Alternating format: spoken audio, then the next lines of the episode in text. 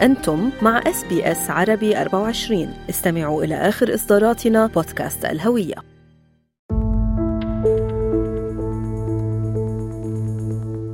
إذا كنت مهتما برؤية النجوم فلا بد أن الفضول سيأخذك لمعرفة ماذا يكمن وراء الأضواء المتلالئة في السماء ليلا. في حلقة مشوار اليوم سنأخذك في جولة سياحية سمعية على أهم الأماكن لراغبي رؤية نجوم سماء أستراليا الساحرة لتكون تجربة آسرة لا تنسى.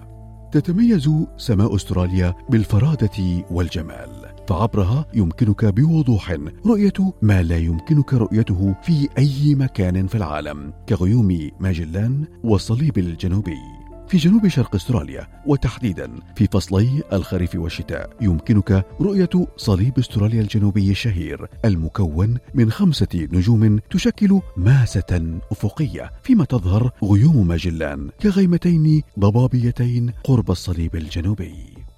ما يميز استراليا هو نقاء سمائها فما عليك سوى السفر لساعتين أو ثلاث ساعات من أي مدينة أسترالية لتجد سماء ليلية نقية سواء ما وراء بلو ماونتنز غربي سيدني وغرب ولاية كوينزلاند وخارج مدينة بيرث باتجاه الشرق مباشرة.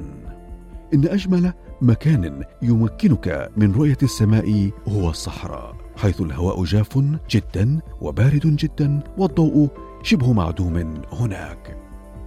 وأفضل الشهور هما شهري آب أغسطس وأجلول سبتمبر حين تكون مجرة درب التبانة فوق رأسك مباشرة بعد غروب الشمس في منظر أخاذ. فيما تحتوي مناطق السكان الأصليين وسكان جزر مضيق توريس مجموعات نجمية متنوعة.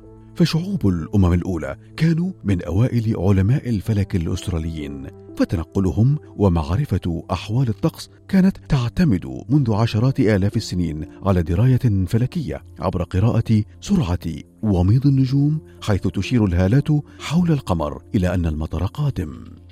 فيما توجد هناك بعض الأبراج السماوية المظلمة والفريدة وهي مساحات مظلمة بين النجوم ودرب التبانة. إنها مناطق من الغاز البارد والغبار حيث تولد النجوم. وفي تقاليد السكان الأصليين ترسم هذه المساحات المظلمة صورا لأشكال الحيوانات. هناك ثلاثة أماكن يمكنكم زيارتها في ثلاث ولايات. متنزه ورمبانجل National Park. ونهر ماري في جنوب استراليا و The Jump Up في ولاية كوينزلاند.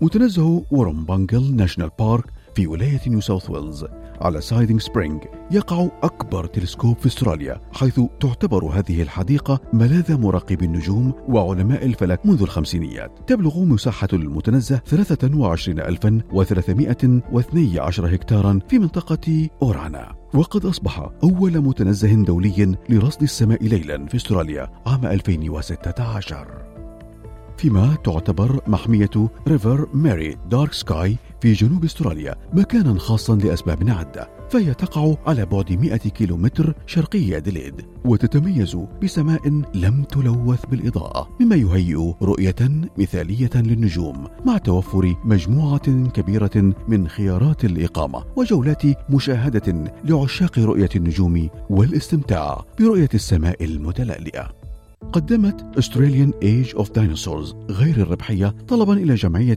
دارك سكايز في أواخر عام 2018 لتكون مكانا لرؤية السماء في أستراليا فيما حصلت The Jump Up كوينزلاند على ذلك بعد رصدها لوجود أماكن رائعة لم تتأثر بالتلوث الضوئي لرؤية النجوم بشكل مذهل.